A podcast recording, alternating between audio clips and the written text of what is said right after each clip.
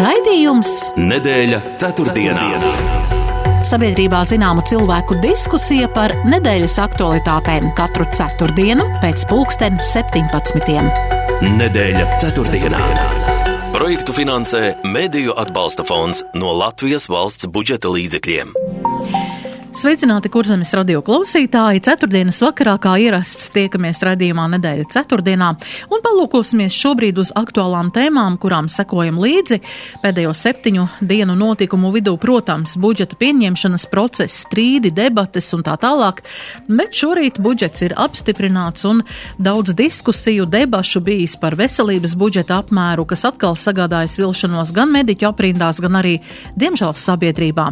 Medicīnā briest ārkārt ārkārtas situācija. Tā mēs dzirdējām šajā nedēļā no dažādām mediķu organizācijām. Aizsardzības ministrija nonākusi uzmanības centrā ar 220 miljonu vērto iepirkumu, pārsteidz amatpersonu atrunāšanās, lai noveltu atbildību no sevis.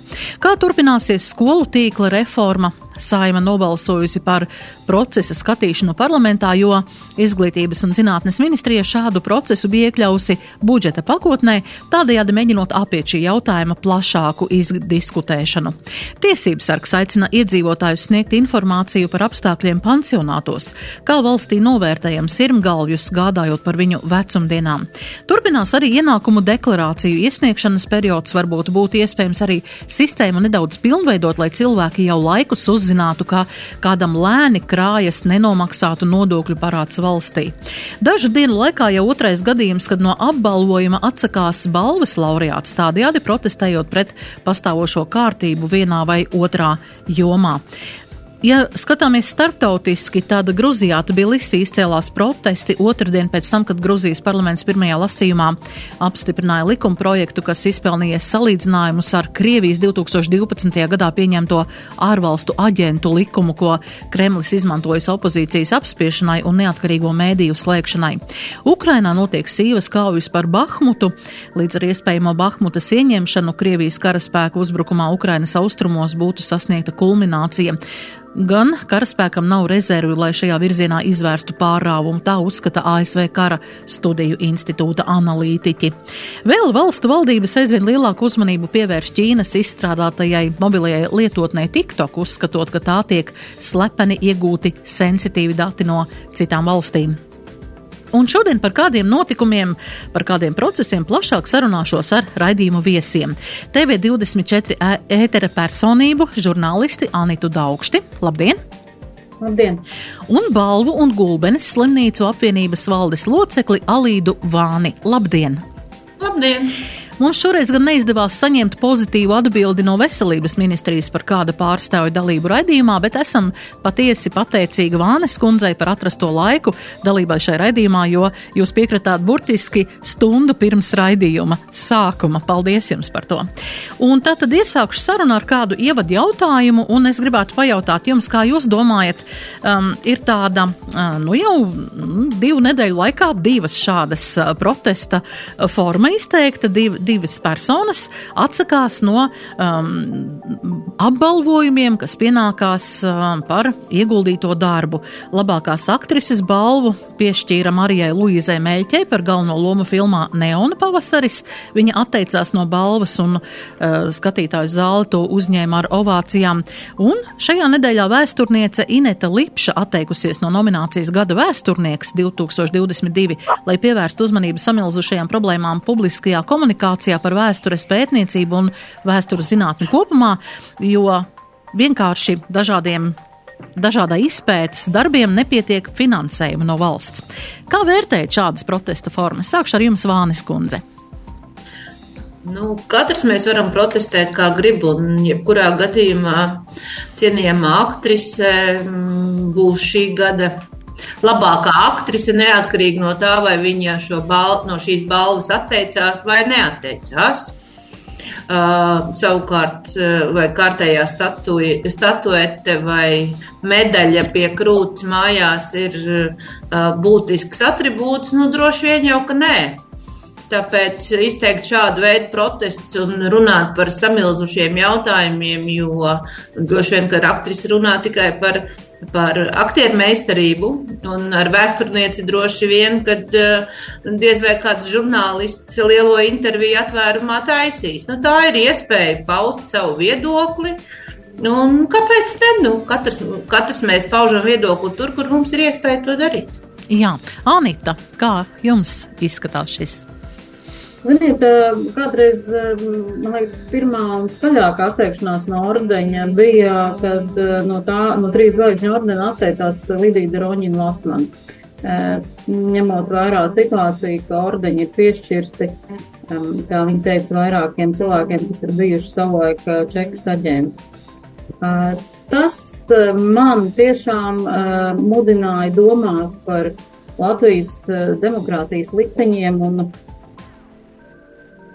Un, uh, un, un tam bija liela rezonance un arī teiksim, tā, attieksmes pārskatīšana pret šo, pret šo procesu. Bet Lidija Droņina Lasman ir tāda mēroga personība, kuras uh, viedoklī par noteiktiem procesiem nav, ir jāieklausās.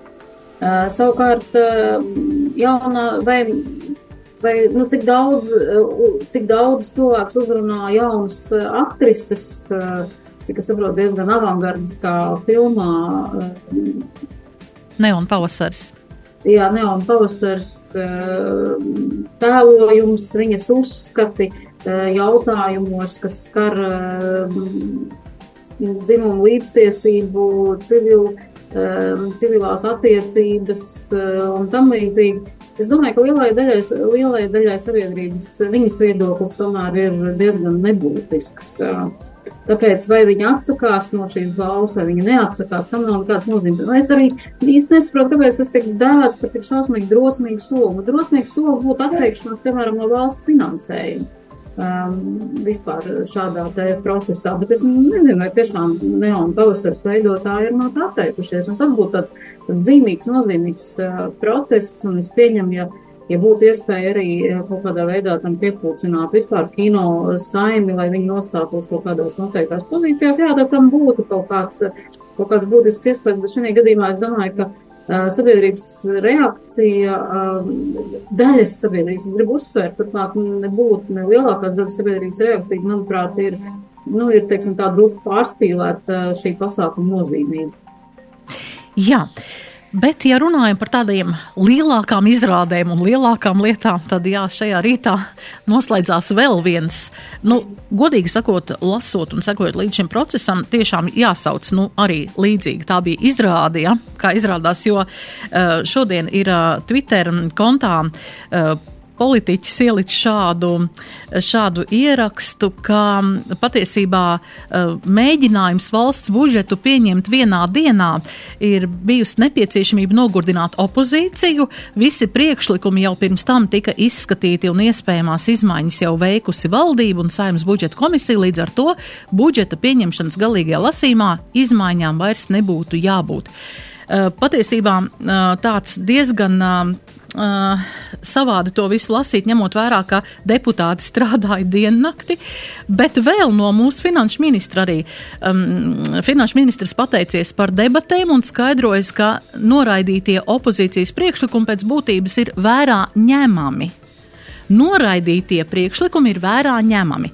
Tātad um, es to varu nosaukt vienīgi un tikai tā, ka uh, patiesībā uh, šīs te debates par budžetu patiesībā ir, nu, lieki notērēts laiks, kā te ir deputāti izteikušies, lai nogurdinātu opozīciju, un patiesībā viss jau bija skaidrs, un šī te būšana saimā bija tikai tāds, nu, teiksim tā, formāls solis uzklausīt, nu, kā mēs redzam, tur arī daudz ko neuzklausīja, saīsināja visu šo debašu laiku un, un visu šīs lietas. Kā jūs to visu kopā redzat? Mūsu šīs, šī gada un nākamo trīs gadu budžeta pieņemšanas procesu. Vānis kundze, sākšu atkal ar jums. Nu, valsts budžets eh, tiek gatavots pirmām kārtām ministru kabinetā, un to gatavo koalīcija. Un, ja koalīcija jūtā, jūtās pietiekami stipra, ka no viņu balsīm visas balsis saimā būs pārstāvētas un nobalsos par šo budžetu, tad jau, kā mēs sakam, kreņķu nav. Varam paklausīties opozīciju, cik tālu tas mūs nenogurdina, varam papaķetēt ar opozīciju, jo, ja nu kāds no opozicionāriem kādreiz ir jāņem pulciņā, Līdz ar to tā tiešām ir izrāde. bet uh, Domāju, ka izteikties um, opozīcijai, kas, kurai opozīcijai būtu jābūt, nu, ja mums mēdīja ir ceturtā vara um, sabiedrībā, tad opo, opozīcija saimā tā arī ir zināmā mērā demokrātijas izpausme, lai norādītu kaut kādām kļūdām un būtu par tādu sarksuni zināmā mērā varbūt ne ietekmes ziņā, bet nu, tomēr polemikas ziņā. Un īstenībā tāpēc man ļoti žēl, ka šī saimnes sēde notika dziļā naktī, un sabiedrība nevarēja principā kopumā sekot līdzi šim procesam, jo nu, cilvēkiem cilvēki naktīs guļ un, un cilvēkiem nākušā dienā jāiet uz darbu, un līdz ar to tas tā mazliet bezjēdzīgāk sanāk. Bet, nu, tā, to, ka to budžetu pieņems, ja nav problēmas koalīcijā, nu, tas bija skaidrs. Līdz ar to viņi varēja pieņemt Droši vien, kad vienā teikumā, saimnes sākumā sākoties, nobalsot un bez, bez jebkādiem. Bez jebkādas kritikas, bet kritika ir vajadzīga, un tas uh, iespējams ļaus pozīcijai kādu labu domu graudu izmantot arī nākotnē. Jā, un pēc tam pasniegt kā savu, vai ne? Protams. Anita, jūsu skats un viedoklis par šo? Manuprāt, parlamentāra parlamenta lomas degradācijas process sācies ir nevis šogad un nevis darbojoties šai valdībai. Patiesībā šis process ir sācies jau krietni agrāk, jau nu, kādus gadus desmit vismaz, un ja mēs vērojam visas budžeta pieņemšanas, tad šeit šī pozīcija ka mēs esam koalīcija un mēs neklausīsimies nekādus opozīciju argumentus, nu, tas ir diezgan klātesošs jau visnotaļ ilgu posmu. No otras puses, protams, tam ir nu, tāds, zināmā mērā, arī leģitīvs pamats. Tiešām ir ļoti daudz lietas um, pamatotas, izdebatē, teiksim tā, bet sabiedrībai ir tiesības vērot šo argumentu un pretargumentu procesu. Un tas ir, jo, jo ievēlēt parlamentā ar tieši tādu pašu pilsoņu balsīm, ne tikai koalīcijas deputāti, bet arī opozīcijas deputāti. Mums ir tiesības vērot šo, šo, teiksim, tā, šo viedokļu cīņu. Šī gadījumā tas ir, tas ir ticis liekts un no tāda demokrātijas attīstības viedokļa, šis, protams, ir ļoti negatīvs, uh, negatīvs moments. Ir, protams, tie, kas teiks, ka, jā, nu, neatkarīgi no tā, vai šis process tiktu izvilkts, uh, teiksim, uz trim dienām, vai šis process notika vienā naktī, rezultāti nemainītos, tāpēc, ka tieši tās pašas 52 vai cik tur balsis. Um, nu, kā šajā gadījumā 52 būtu par šo budžetu, un viņš tiktu pieņemts, jo neviens taču, nu, kā mēs zinām, budžeta nepieņemšana nozīmē valdības krišanu. Šobrīd valdība neviens negāž un valdība nekritīs. Līdz ar to, nu, viss taču rezult, rezultāts būtu skaidrs, respektīvi šī rezultāta iepriekš paredzamība pamato to, ka šis debešu process Nu, patiesībā sabiedrībai jāpaliek arī, viņam tam, tam ir arī jāpaliek slēgtam. Nu, es tam nekādu nevaru piekrist, bet es um, saprotu arī to, ka um, izmaiņas attiecībā uz opozīcijas un koalīcijas attiecībām parlamentā nevar notikt vienā dienā. Tas ir tāds vispārīgs politiskās kultūras jautājums. Un, ja mums jau no paša sākuma, jau iepriekšējā saimā, piemēram, valsts prezidents pasaka, ka būtības, ka viņš ir koalīcijas prezidents, jo viņam pat nav jātiekās ar zināmiem opozīcijas pārstāvjiem, tad mums ir diezgan skaidrs, ka Uh, šeit nenotiks tādas veidi, tāda veida, kas, kas, ir, kas ir leģitīva. Tā drīkst darīt. Es nesaku, ka tas ir kaut kas eh, pretlikumīgs, bet no demokrātijas attīstības viedokļa neapšaubām ir negatīvs signāls. Jā, mums ir jāiziet mazā reklāmas pauzītē, un pēc tam mēs turpināsim konkrēti par veselību. Nedēļa ceturtdienā. ceturtdienā.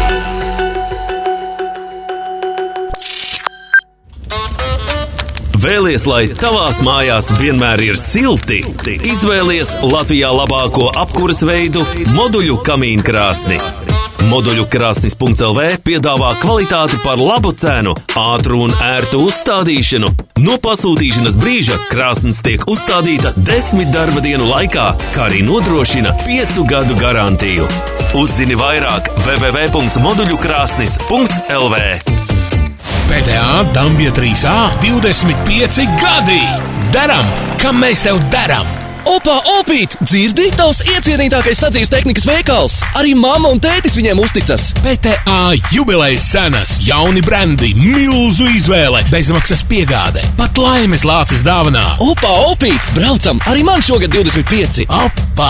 Kā laiks skrien! Braucam! PTA Dambja 3. Akcijas noteikumi www.pta.lv. Nedēļa ceturtdienā.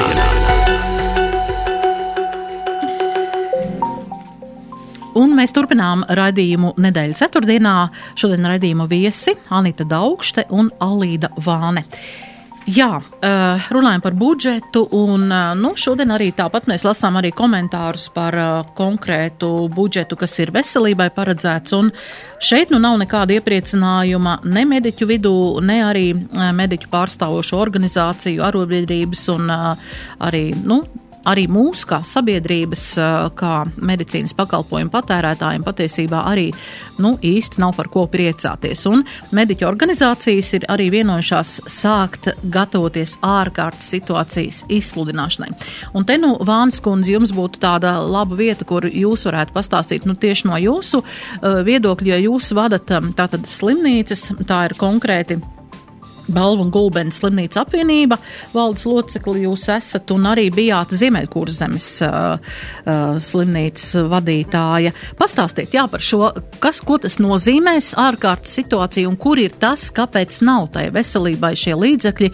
Un arī, protams, uh, Kariņa kunga izteikumi konkrēti ministriem, kuri, uh, kā viņš izteicās, īda pēc naudas, jā, um, nu, arī tika konkrēti pateikts, ja negribat reformēt, varat šo krēslu atstāt šādu attieksmi? Kā jūs komentētu?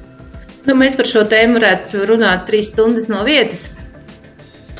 Un vēsturiski tiešām veselības nozare vienmēr ir bijusi pabēta lomā. Vien, nu, es nozarē strādāju 13, 14 gadus, un katru, katru gadu starptautiskās organizācijas ir novērtējuši visā šajā laika posmā, ka veselības aprūpē par maz tiek atvēlēti budžeta līdzekļi. Tur nu, tajā ziņā nekas nav mainījies. Bet mainījies tas, ka nu, sakarā ar karu Ukrainā un ne tikai ar karu Ukrainā, tā tad uh, ir mums, es teiktu, hiperinflācija. Uh, šī inflācija, protams, ir mums ir bijusi katru gadu, bet nu, šobrīd viņa ir tāda nu, tik jūtama, ka mēs to izjūtam katrs, un, un, un katra ģimene no kaut kā atsakās, pat neatkarīgi no viņa atalgojuma lieluma. Un piedomā daudz sīkāk un skrupulozāk pie izdevumiem. Tad veselības aprūpe ir bijusi tā nozara, kurā nekad nav uh, piešķirts finansējums inflācijai. Kopš es strādāju šajā nozarē. Tas ir 13 Tas gadu laikā vismaz. 13 gadu laikā. Un eh, uz iekšējās efektivitātes rēķina ārstniecības iestādes ir centušās to inflāciju, kas ir bijusi, tur 2%, nu, kādu, kādu gadu ir bijis 3, kādu 1,5%. Eh, tā tad eh, visu laiku efektivizēt savus uzņēmumus un šo inflāciju tādā veidā, nu, ceļot maksas pakalpojumu cenas, ja, tā tad šo inflāciju nu, sagramot un neradīt papildus zaudējumus ārstniecības iestādēm. Nu, pie šādas hiperinflācijas mēs nevienu ārstniecības iestādi nevar izdzīvot visām, nu, vismaz slimnīcām, kurām maksas sektors ir diezgan ierobežots un maksas pakalpojums neatliekamās palīdzības slimnīcas sniedz ļoti mazā apjomā. Veltot visus spēkus tomēr stacionārajai veselības aprūpei, tad nu, to, to inflāciju neviens nevar nosekt. Un gadiem jau tiek runāts par tarifu pārreķiniem, to mēs visi esam dzirdējuši. Bet nu, tas tarifu pārreķins ir, protams, viens ir inflācija, otrs, ka mēs ārstējam ar labākām un dārgākām zālēm, mēs liekam labākas un dārgākas protēzes. Ja, tā tad medicīna ir gājusi pa šiem gadiem uz priekšu, un arī to mēs nesadzam. Un, nu, tā visa rezultātā, vismaz stacionārajās ārstniecības iestādēs, ir uh, katastrofa reāli, jo nu, neviena slimnīca savu budžetu savilkt nevar šogad. Tas nav vienkārši iespējams, jo Sniedzot stacionāros pakalpojumus, katrs pacients, kurš ienāk slimnīcā, rada zaudējumus automātiski. Jā, to ir traki dzirdēt mums, kā veselības pakalpojumu lietotājiem. Bet eh, es tā saprotu, ka par šo situāciju arī ir informēts gan Eiropas komisija, gan Eiropas ārstu pastāvīgā komiteja, gan Eiropas medicīnas speciālistu apvienība, lai pievērstu uzmanību situācijai, kāda tā ir Latvijā veselības aprūpē. Ko tas nozīmē un ko tas varētu mums dot vai likt mūsu politiķiem pieņemt kādus atbildīgus lēmumus? Nu, mūsu politiķi lēmumus pieņem par papildus naudas sadali saistībā ar prioritātēm un jaunām iniciatīvām. Un tas ir stāsts par to, ka nu, mums arī šogad um, Ašrādenkungs un Kariņkungs lielās, ka mums ir plus 85 miljoni. Bet inflācijai no tā, ja nemaldos, mums ir miljons um, minimālās algas palielināšanai. Uh, un uh, pārējais viss ir mm, nebūtībā tīts, jo tā da, mm, algas daļa ir jādod darbiniekam. Ja, ja tā nauda ir onkoloģijai, tad viņi aiziet konkrēti onkoloģijai vai nu konkrētiem medikamentiem vai konkrētām operācijām un tā tālāk. Līdz ar to 85, no tiem 85 miljoniem, nu, man šķiet, miljonus, nu, varbūt divi ir principā inflācijas dzēšanai. Un, uh, Tas parāda um, budžeta veidošanas procesa atgādnību visus šos gadus, jo mēs liekam klāt jaunas iniciatīvas, nenosedzot vecās, kuras jau mums ir. Un tagad mēs esam nonākuši, no tā, tajā naudas daudzumā, principā, nu, pēc maniem aprēķiniem, mēs varam darīt pusi no darba, ko mēs darījām līdz šim. Jā, par, tas ir, tas par ir to nopietni. naudu. Par to naudu, ja tāda stacionārā sadaļā, principā pietrūks gandrīz puse. Mhm. Un, un uh, līdz ar to, nu, ja mēs runājam par ārkārtas situāciju, mm, nu, to var izsludināt ministrija, un to var izsludināt, protams, katra ārstniecības iestāde arī atsevišķi. Uh, tā, tā ir atteikšana. Nu, vienmēr jau apelē pie sirdsapziņas, ka kā te jūs nesniegsiet neatliekamo palīdzību, līdz ar to mēs neesam skolotāji, mēs nestreikojam, jā, tātad, jo, nu, kā tad mēs ļausim iedzīvotājiem nomirt, un to tiešām neviens nekad nav uzņemšanas nodaļas, nav aiztaisīts nekad ciet. Un, un, un, un runājot ar ārstniecības iestāžu vadītājiem, viņi arī to neplāno. Bet principā tas ir jāatsakās ir no pilnīgi visiem citiem pakalpojumiem, kas rada mīnusu. Nu, un tie ir visi citi. Tādā veidā mēs mazinām mīnusu. Nu, droši vien, kad papildus strādājam par maksu, no kā nosaka daļu no mīnusa, ko sniedzam par neatliekamo palīdzību. Nu, es vispār citu izēju neredzu, ja tā inflācija netiek nosakta. Un, protams, otrs aspekts - primārā aprūpe. Ja to nesaglabs un tiešām Nu, tā ir vieta, kur ir vajadzīgas reformas, un, un, un gan nauda, gan, gan, gan kvalitātes kritērija, gan nosūtīšanas liederība un tā tālāk. Bet, ja primārajā aprūpē ir šobrīd problēma samaksāt komunālos rēķinus, un tādēļ viņi um, sāk atteikties no valsts pakalpojumu sniegšanas, tad um, primārās aprūpas nēsamība apgāž sistēmu pilnībā. Un, Nu, iespējams, ka kādam tas ir mērķis. Es arī Twitterī izteicos diezgan skarbi, bet es gan nebiju vienīgā, kur teicu, ka izskatās, ka mūsu valsts iet uz ASV modeli, kur katrs pats par sevi ir atkarīgs. Vari nopirkt polisi, tev būs palīdzība, nevari nopirkt polisi, mirsti sētmalē. Jā, izklausās skumji. Jūs teicāt par 85 miljoniem, kas šogad piešķirti, bet par aizvadīto gadu 88 miljoni ir parāds tā kā slimnīcām. Tādi ir dati, kas, kas ir publicēti. Tā ir tikai viena, tā, tas ir tikai viena daļa no parāda. Pagājušajā gadā mm, Covid laikā bija mazāk stacionēšanas, tātad vispār mazāk tika sniegt, sniegti pakalpojumi un naudu neviens neatņēma. Tāpēc par pagājušo gadu Kariņa retorikā īdēšanas nu, īstenībā nav. Pagājušo gadu ārstniecības iestādes savilka savus budžetus, es nedomāju, ka kādai slimnīcai būs eh, negatīvs eh, rādītājs. Jo rādīt, negatīvie rādītāji nu, sākās principā ar jūnija mēnesi, kad katrs nākamais mēnesis deva arvien lielāku mīnusu, bet gada sākumā uzkrātie līdzekļi ļāva gadu nobeigt puslīdz salīdzinoši ciešami. Bet, nu, protams, janvāris ir, ir janvāris, ir jauns gads sācies, un, un situācija ir tāda, kāda viņa ir. Jā, Anita, kā jūs redzat šādu situāciju, ārkārtas situāciju medicīnā visos līmeņos?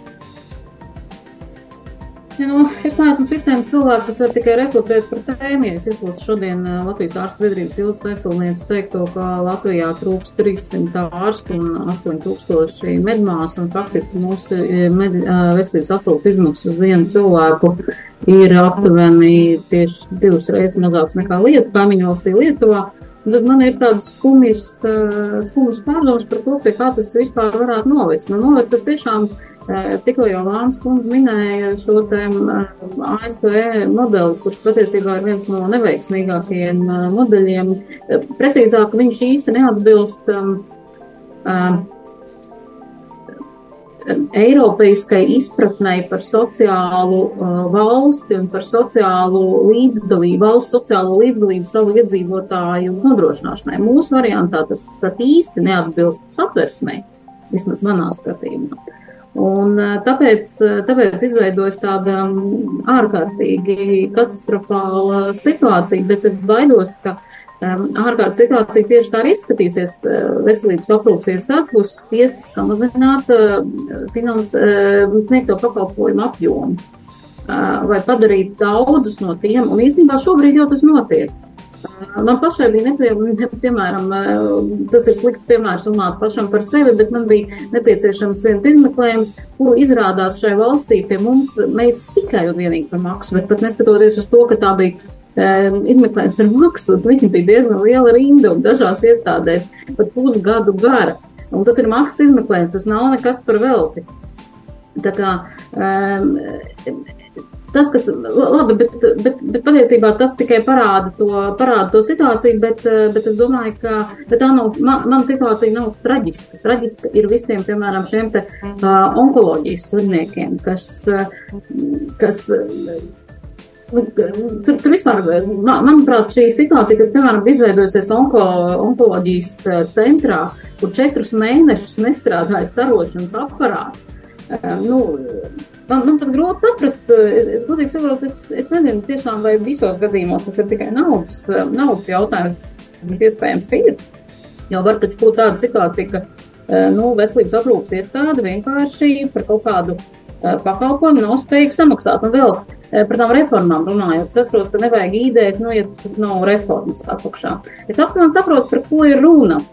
Respektīvi, tur ir divi, divi faktori. Uh, Um, Krišjāns Kariņš diezgan matemātiski pareizi domā, ka viņš nevar ielikt nekādu papildus finansējumu bāzes, nu, teiksim tā, tajā saucamā budžeta bāzē, jo tas, tas prasa attiecīgi finansējumu vēl arī nākamajos gados. Turklāt Eiropas komisija mums ir nolikusi zinām budžeta deficīta apjomu, un, ja kāda finansējuma ielikšana budžeta bāzē nozīmēs to, ka mēs pārsniegsim šos Eiropas komisijas noteiktos kritērijus. Savukārt, ja mēs pieteiksim, ka mums, piemēram, tiek veikta reforma X kaut kādā nozarē, tad uz reformas X bāzes mēs varēsim papildus, papildus nodrošināt nodrošināt papildus finansējumu, neskatoties uz šo nepieciešamo budžeta deficīta apjomu. Nu, tas ir tehniski sarežģīti skaidrojums, un es saprotu, ko Krišāns Kariņš ar to gribēja teikt. Bet, diemžēl tas nepalīdz sociāli atbildīgā valstī. Tad, kad tu ieraugi veselības aprūpas iestādē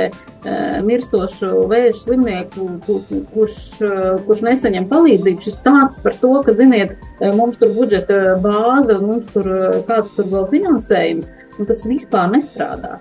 Tam vispār nav nekāda. Un, ja veselības aprūpē neielikt to pamatu finansējumu, tas nav ielikts jau kādus piecus gadus, saprotu, ka šī gada ietvaros to nevar panākt. Bet man tomēr mūsina šī atšķirība, ja, ja veselības aprūpas nozara prasīja 309 miljonus, ja nemaldos, vai 306, bet iedot ir 85 papildus. Nu, Tādā gadījumā te ir jādomā, kas tad vispār notiek. Par ko ir runa? Jā. Mums ir atkal maza reklāmas pauzīte, un tad paturpināsim. Sabiedrībā zināma cilvēku diskusija par nedēļas aktualitātēm. Nedēļa ceturtdienā. ceturtdienā. Kas Matildei topā?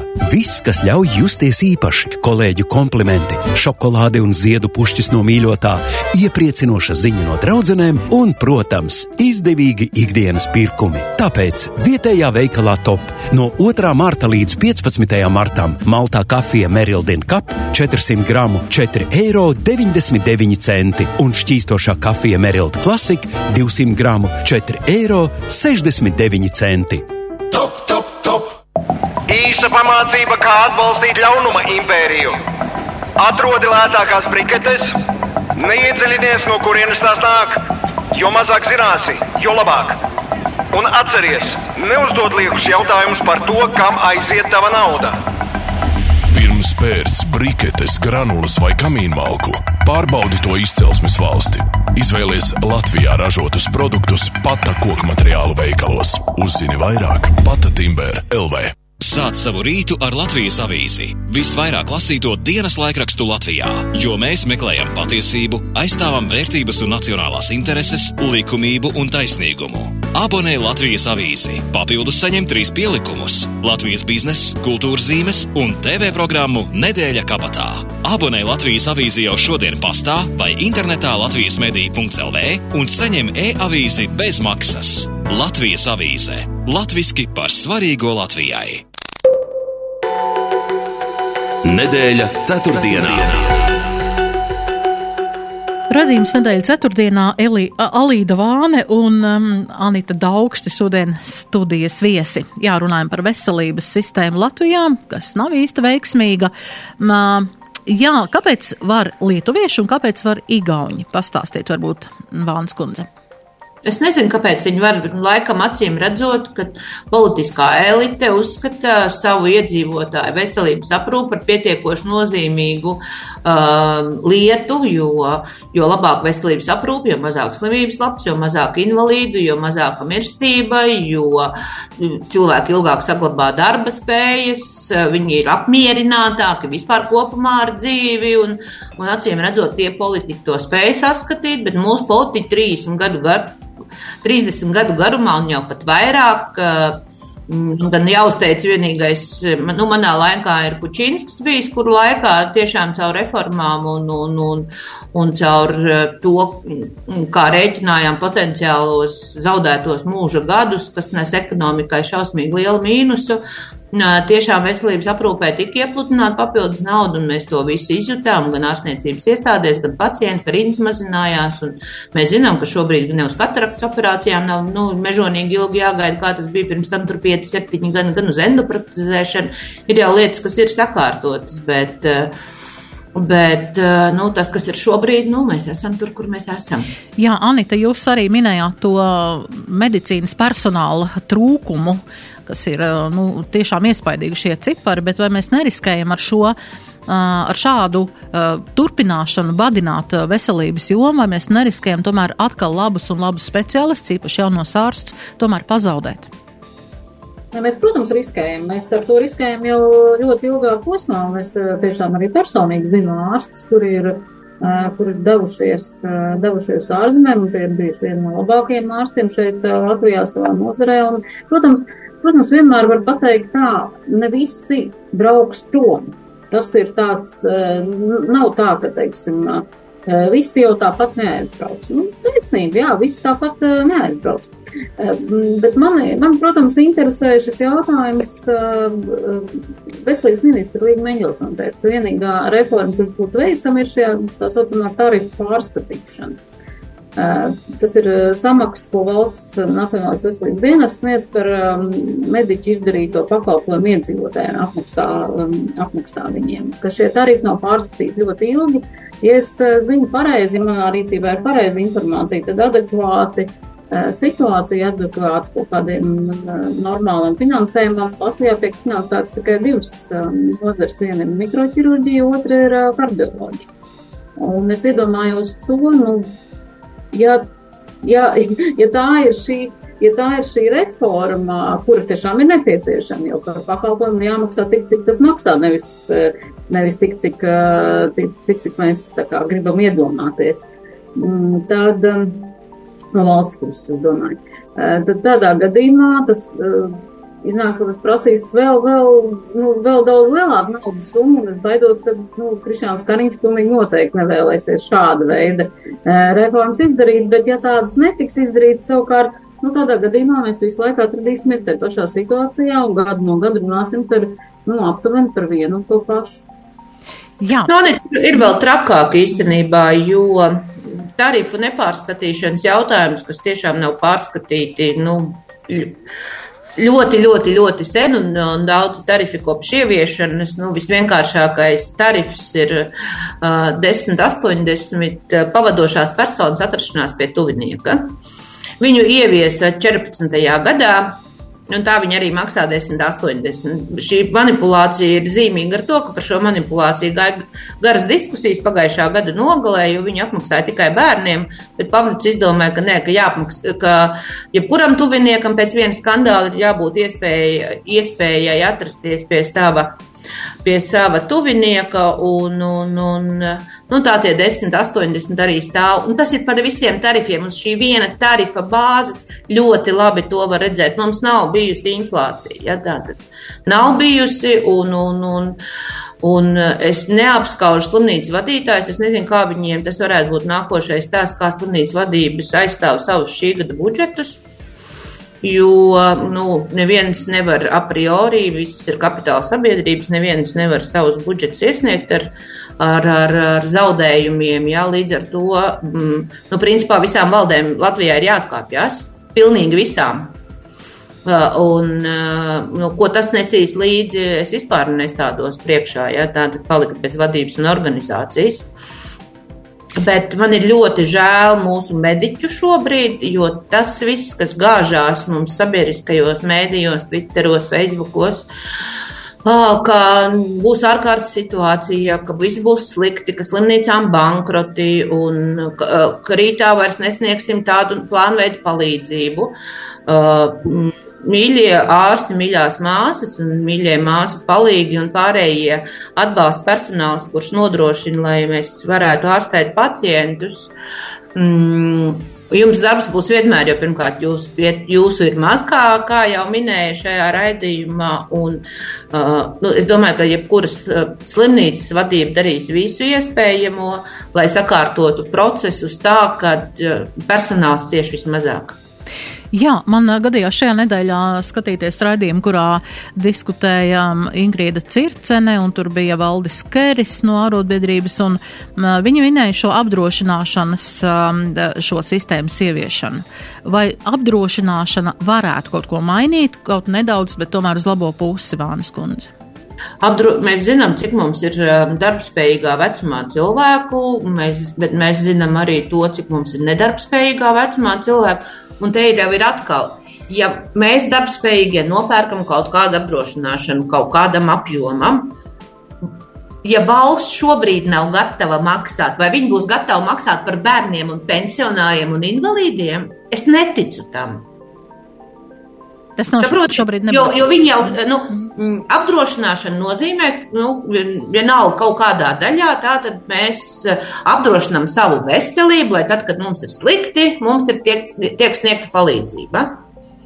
Uh, apdrošināšanas tā ir jēga visai apdrošināšanai. Vienalga arī nekustamā īpašuma apdrošināšana. Mums desmit gadus nekas nenotiek, 11 gadā notiek kaut kāda avārija, mēs griežamies pie, pie, pie apdrošinātāja.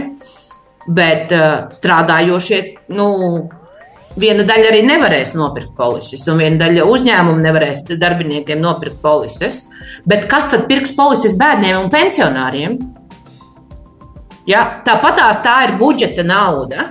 Ja viņi pasaka, ka nē, pensionārs no savas 300 eiro pensijas arī pirks, uh, pirks polisi, nu, uh, var koķetēt ar apdrošināšanu. Bet uh, tas ir necilvēcīgi, jo jau šodien, uh, nu, mēs sakām, tantei Bauskā, tas mums tāds iegājies teiciens, tas nav stāsts par tanti Bauskā, bet īstenībā uh, mums ir jāsaprot, ka 70 līdz 80 procentiem veselības aprūpas budžeta tērē cilvēki, kuri ir vecāki par 60 gadiem. Jā, ne jau jaunie tērē, tērē, tērē tiešām nu, nu, nu, tie cilvēki, kuri ir nu, pēc 50, pēc 60, un tā, tā, un tā daļa mums palielinās. Mums katru gadu bezmaksas recepšu, tad nevis bezmaksas, bet valsts apmaksāto recepšu saņēmēju skaits palielinās. Mums ir kaut kur tuvu pie 700 tūkstošiem cilvēku, kas saņem kompensējumos medikamentus. Tas nozīmē, ka Tie jau ir 700 tūkstoši, kuri jau ir sistēmā un kuriem ir hroniskas saslimšanas. Nu, tā tad, nu, ja tik šauri mēs skatāmies, kur dabūt naudu, ne, naudu var dabūt tikai tajos 1,4 ne, cik miljardi. Uh, 1,4 uh, kā tur mums ir tas budžets, ja, tikai no turienes, tiešām reāli pārskatot vienotība, um, mēģināja kaut ko darīt 8. un 9. gadā, kad bija lielā krīze, kad atnāca Dambrovskis. Tur vienkārši mehāniski katrai ministrijai nogriezt 20% budžetu un tieciet galā. Es uzskatu, ka šo valsti uz kājām nevar savādāk nolikt, kā visām ministrijām taisīt nulles budžetus Un mēs tā ārā visu to uzaudzēto lieko, ar ko uz putām uz lūpām saka, ka bez tā Latvija nomirs. Jā, Latvija nomirs no veselības aprūpas trūkuma, diemžēl. Jā, vēl varbūt pēdējās minūtes mums ir raidījumā, pēdējās četras minūtes. Es gribētu jums pavaicāt, jā, kā, jums, kā jums šķiet, tiesības sargs aicina informēt par dzīvu pansionātā klientus. Um, kā jums šķiet, kā mēs rūpējamies par mūsu vecāko paudzi, kuriem ir jāvada dienas pansionātā? Man ir zināmi vairāki stāsti, kas nav iepriecinoši, diemžēl, bet kā jums šķiet, vai, vai uzdrošinās eh, pansionāta klients, vienalga veselības eh, pakalpojumu saņemšanas, saņēmējs klients? Uzrakstīt sūdzību vai kaut kādu viedokli par to, ka tas bija slikti vai, vai kad viņš vēlētos kaut ko labāk, vai ir ticība, ka kaut kas varētu mainīties?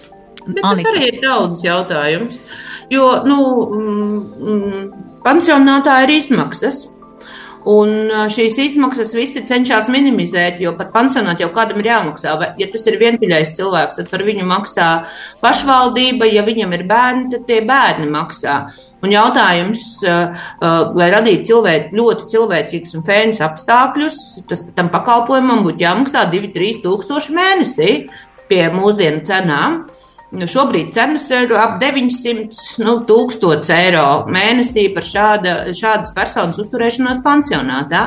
Un tas ir stāsts par to, vai mēs esam kā sabiedrība un kā bērni gatavi maksāt adekvātu cenu par to, lai mūsu uh, senioram, kurš ir rūpējies eh, iepriekšējo dzīvi, lai par mūsu šodienas labklājību būtu uh, laba uzturēšanās, labs servis šajā vietā.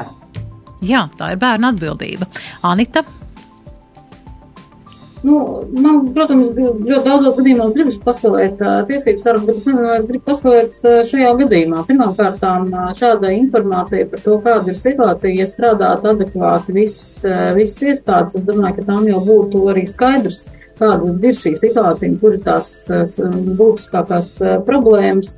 Otrs man tomēr prasītos, ja mēs aicinām sniegt informāciju par situāciju pansionātos, man interesē mērķis, ko tiesības sargs iesāks ar šo informāciju. Viņš vienkārši apkopos informāciju, nāks klājā ar ziņojumu un Viņš vērsīsies uh, tiesā, labi, tad varbūt par konkrētiem gadījumiem vai par kaut kādu vispārēju šīs te uh, aprūpas sistēmas reformu vai tam līdzīgi. Es tomēr gribētu zināt, uh, konkrēts, konkrēts mērķis, nevis vispār aiziesim tā, nu, labi, anonīmi, bet mēs tā kā drusku pakočosimies par, šito, par šādu tēmu. Protams, ka šī brīža situācija ir tāda, ka pansionātos, ja tiešām tā Lāns mums minēja, nemaksā 2-3 tūkstoši, tad situācija ir tāda, kāda ir un nekas ļoti labs tur būt nevar. Tas ir skaidrs, tāpat nevajag nekādu informāciju vākt, pietiek aizbraukt līdz tuvākajam pansionātam. Tā kā es eh, šī gadījumā tiešām nezinu, es gribētu zināt konkrētu mērķi šim te eh, pasākumam. Jā.